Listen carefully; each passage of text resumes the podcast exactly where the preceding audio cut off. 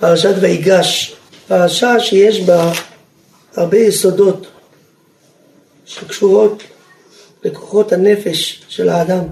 אבל יש נקודה בתוך הפרשה, נקודה חשובה מאוד ומעניינת במפגש של יוסף עם האחים שלו. כשיוסף מתוודע, מתוודע לאחים שלו, מספר להם שכל השנים שהם מסתובבים במצרים, בעצם נמצאים במקום שיוסף, אחיהם, הופך להיות השליט. והוא זה שמדבר איתם, הוא בעצם שליט על כל מצרים. פלא פלאות, החלומות של יוסף מתקיימים. כתוב שיוסף התוודע לאחים שלו, כתוב שם, ולא יכלו לענות מפניו, כי נבהלו מפניו.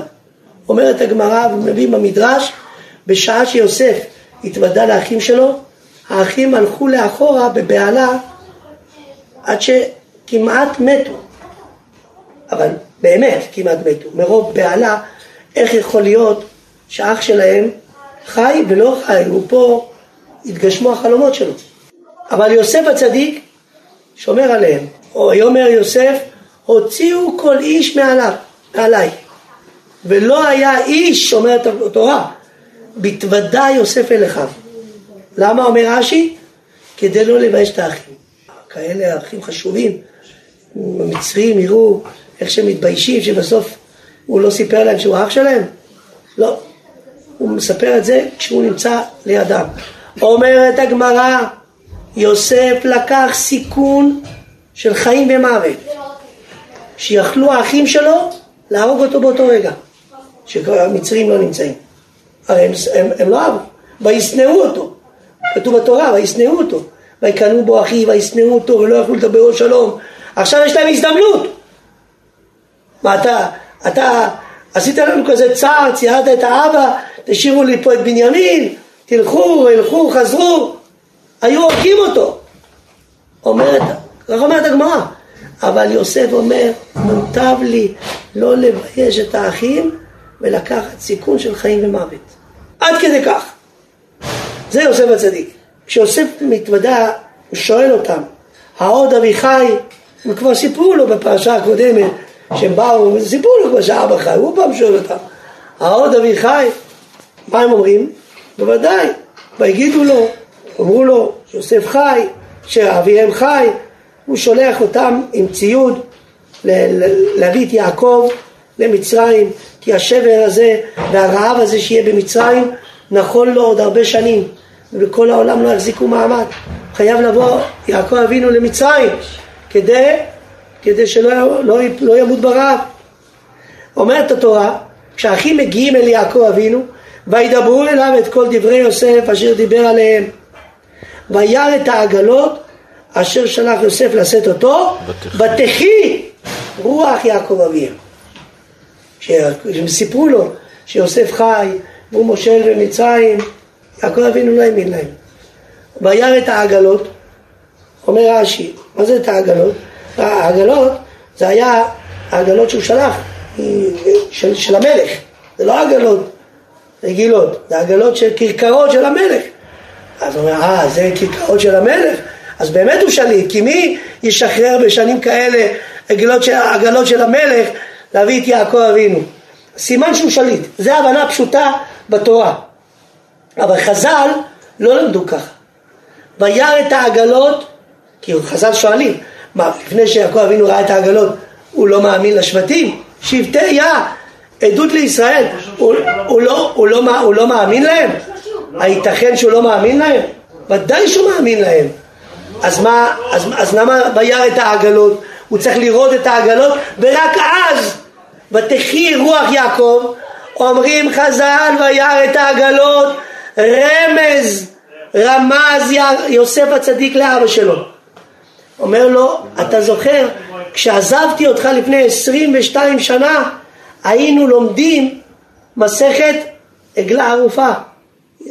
וירא את העגלות, רמז לו איזה סוגיה הוא למד איתו לפני שהם עזבו. ככה חז"ל אומרים.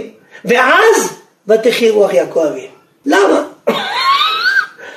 למה לפני כן שסיפרו שיוסף הוא שליט והוא חי, למה אתה לא צריך ותחי? למה דווקא כשאתה רואה את הסימן הזה ותחי? אלא יעקב אבינו, כל זמן שהוא לא ידע שיוסף חי חיים רוחניים, אמיתיים, הוא לא מסתפק באיזשהו חי פיזי. לא מספיק לו.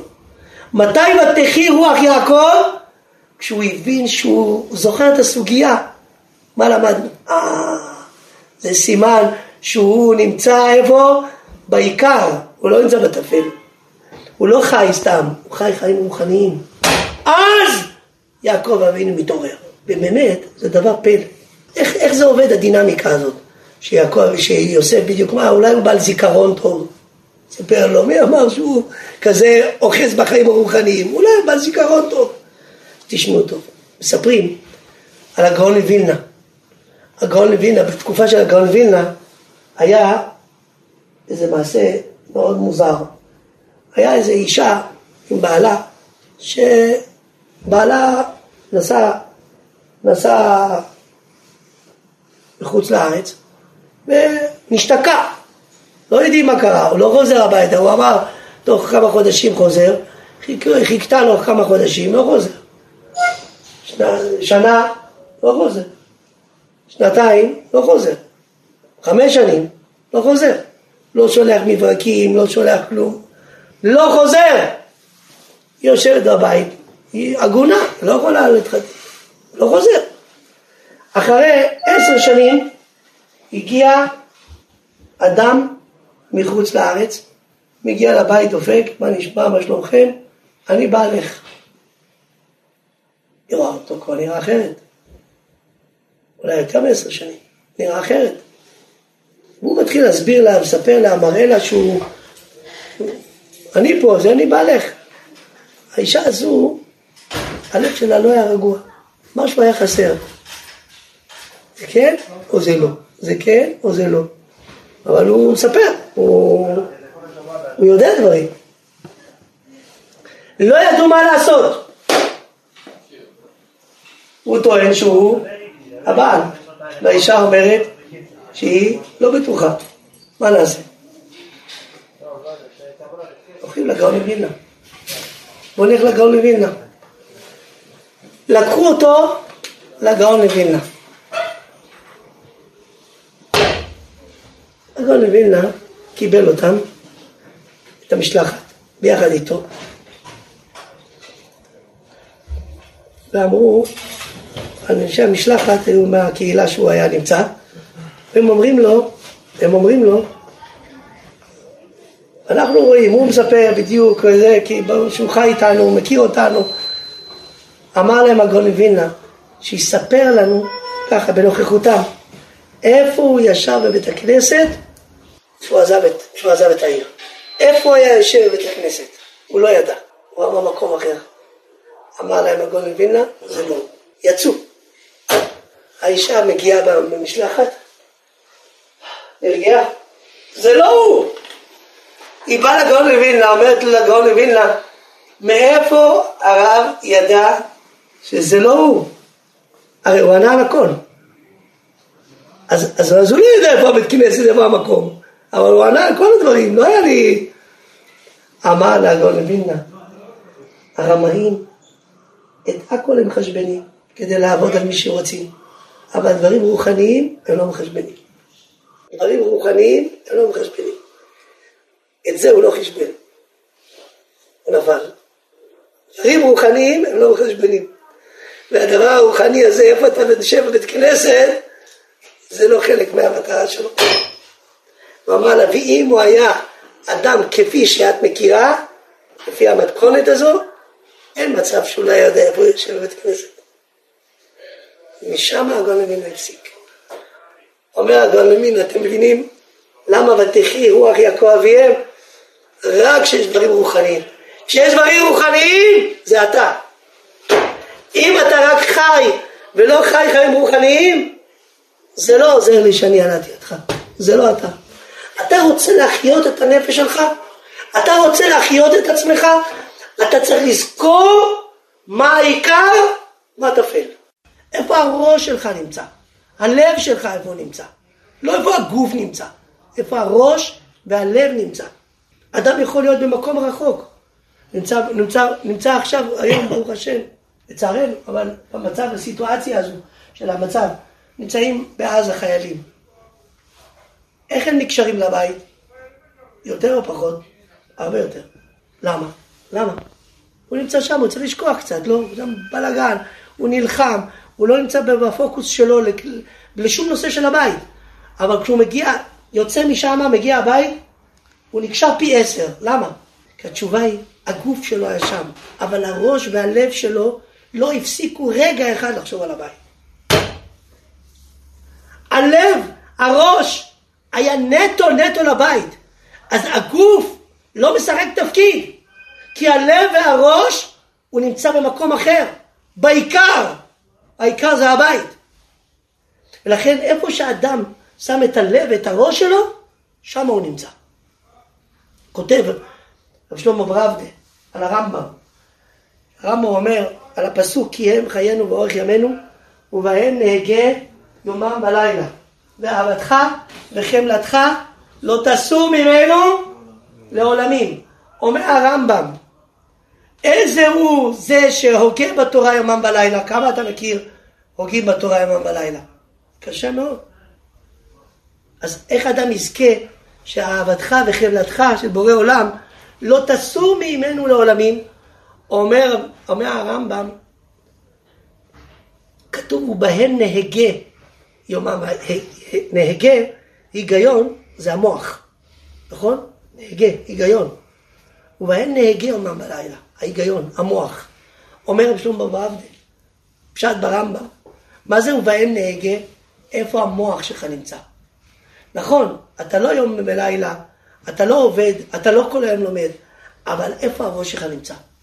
הראש שלך, אתה עובד כדי להביא פרנסה, אתה מתעסק כדי לצורכי הבית, אבל איפה הראש שלך? איפה הלב שלך נמצא? רק בשביל לחיות חיים כאלה? או שבעצם אתה כל הזמן מחכה מתי אני אמצא את עצמי בבית המדרש? מתי אני אמצא את עצמי בעשיית מצוות? מתי אני אמצא את עצמי בתפילה? זה חסר לי. אם הראש והלב נמצא, אומר הרמב"ם, עליו נאמר הפסוק על כל אדם כזה, שהוא אפילו עובד ונמצא ומתרוצץ, אבל הראש שלו איפה נמצא? בתורה, באהבת השם, עליו נאמר ובהן נהגה יומם ולילה, ואהבתך וחמלתך לא תסור ממנו לעולמים. הקדוש ברוך הוא לא יסיר, לא יסור ממנו לעולמים. זאת אומרת, העיקר זה המחשבה האמיתית של האדם. ככה האדם צריך לראות את עצמו. לכן, יעקב אבינו חידש פה חידוש גדול. חידוש גדול מאוד. יעקב אבינו בעצם בא להסביר לבנים, לבנים שלו, שכל מה שהוא התגעגע ליוסף, זה לא בגלל שזה רק בן שלו, ובן זקונים, במובן הפשוט של המילים, שהוא, כמו שרש"י מביא, שהיה דומה לו, או בגלל שהוא היה צעיר מהצעירים בבית. לא, אלא זה בגלל שכמו שאומר התרגום, כי בר חכימו לה, מה זה בן זקונים? כי בר חכימו לה, הבן החכם שלו, שואל הכלי יקר, מה כל האחים לא למדו אצל יעקב אבינו? רק יוסף היה בן זקונים, הבן החכם שלו? כולם היו שבטי העדות לישראל. אומר הכלי יקר, כל הבנים, האחים של יוסף, שמעו את יעקב אבינו, אבל היו עצמאים. יוסף התבטל לגמרי ליעקב אבינו. כל המחשבה שלו זה מיעקב. ברגע שיש התבטלות ליעקב אבינו, התבטלות, התבטלות לקדוש ברוך הוא. לא רק ליהנות ולשמוח מהקדוש ברוך הוא, מתורתו, ממצוותיו, אלא לבטל את עצמך לפני בורא עולם. לבטל, אז אתה הופך להיות חלק. התחברת. התבטלת, התחברת. כמו עיקר וטפל. אתה מברך על העיקר, פותר את הטפל. למה אתה פותר את הטפל? מצטרף. כי הוא חלק ממנו כבר. זה הפך להיות חלק ממנו. זה חלק מהעיקר. זה, זה, זה האדם צריך לזכור. להפוך את העיקר לעיקר, וטפל לטפל, לדעת מהו העיקר, מהו הטפל, ואז זוכים להתחברות, לחיבור. אומר רבנו יונה על המשנה באבות, בטל רצונך מפני רצונו. כדי שיבטל רצון, כדי שיבטל רצון אחרים מפני רצונך. אומר, אומר הבן יונה, מה זה בטל רצונך מפני רצונו? אנחנו מבינים, בטל רצונך מפני הרצון של החבר שלך, נכון? בטל רצונך מפני רצונו, רצונו של מי, של מי שמולך. אומר רבן יונה, בטל רצונך מפני רצונו של השם. אם אתה תבטל את הרצון שלך בפני רצונו של השם, השם ידאג לבטל רצון אחרים בפני הרצון שלך. שמה שאתה רוצה, הקדוש ברוך הוא יסדר לך בדרכים. זה הכוח שכשאדם מחובר לקדוש ברוך הוא באמת, אדם, אדם מתבטא לקדוש ברוך הוא, אדם שם את הלב ואת המוח שלו להתקרב לבורא עולם. אנחנו רואים איזו התעוררות יש היום, איזו התעוררות יש בכל מקום. למה? מה קרה? מה קרה? נלחמים שם, נכון, מצילים אותנו, מצילים את המשפחות, אבל, אבל למה זה מחבר את כולם? כי התשובה היא שאנחנו ברגע אחד מבינים מה העיקר, מה. אנחנו יהודים, פתאום אנחנו מגלים שאנחנו יהודים. מה זה לא טבעי? אנחנו פה, כולם יודעים שיהודים. אבל פתאום אנחנו, מישהו זעזע לנו את זה, שבגלל שאנחנו יהודים אנחנו לא שווים. צריך להרוג אותנו, צריך חס ושלום למגר אותנו, צריך לזלזל בנו, להשפיל אותנו, להגיע לממדים הכי, הכי אכזריים שיכול להיות. ולמה? בגלל מה? עשינו רע בעולם? לא, רק בגלל שאנחנו יהודים. אמרתי כמה פעמים בשם מרן הרב שך, הרב שך שאל, למה בברכת ה... בברכות, ברכות השחר, למה אנחנו לא מברכים ברוך אתה השם אלוקינו מלך העולם שעשני יהודי. לא בטח שלא עשני גוי. תכתוב ישיר. ברוך אתה השם שעשני יהודי, לא יותר טוב. שלא עשני גוי. אז אמר הרב שך, שלא עשני גוי, הקדוש ברוך הוא דאג לך. שנתן לך להיוולד מאמא יהודייה. אבל שעשני יהודי, זה תלוי בך. אתה תעשה מעשים שתראה כמה אתה יהודי. שלא עשני גוי, הקדוש ברוך הוא דאג לך. שעשני יהודי, אתה תדאג. אתה תדאג לעשות מעשים, להראות כמה אתה יהודי. ואנחנו, מה שאנחנו זוכים היום, זה לראות כמה אנחנו עושים מעשים, להראות שאנחנו יהודים. שאנחנו יותר מחוברים, שאנחנו יודעים להקריב אחד לשני, איזה הקרבה יש היום של, של צעירים שעוזבים את הבתים ומקריבים את החיים שלהם. מקריבים את החיים שלהם ממש. זה, זה, זה הקרבה, זה, זה הקרבה, זה לא מובן מאליו. זה, אתה אומר, אבל הם חייבים. נכון, הם חייבים. יש צו שמונה, חייבים. אבל אתה רואה באיזה התלהבות, באיזה שמחה, באיזה, באיזה הערכה כלפי הבית, אז אתה מבין שזה יהודי. אתה רואה שזה משהו אחר. כשהם עושים את זה בחפץ לב, יעזור השם, שנזכה בעזרת השם, שהקדוש ברוך הוא יזכה אותנו לברר מעצמנו את האמת ואת השקר, לברר מעצמנו את העיקר ואת הטפל, לברר מאיתנו את, את, ה, את הדרך הברורה, לסלול לנו דרך אמיתית וחזקה וברורה, אשרינו שזכינו, צריך להגיד לקדוש ברוך הוא ולהגיד לעם ישראל ולהגיד לכולם, זכינו להתקרב אליך השם. אתה זיכית אותנו לראות את הדרך הישרה והנכונה, זיכית אותנו לבחור בזה שאנחנו עושים פעולות כדי להראות כמה אנחנו קרובים אליך, ואז השם ישפיע עלינו את כל השפע הטוב, ונזכה לבשורות טובות, אמן כן יהי רצון.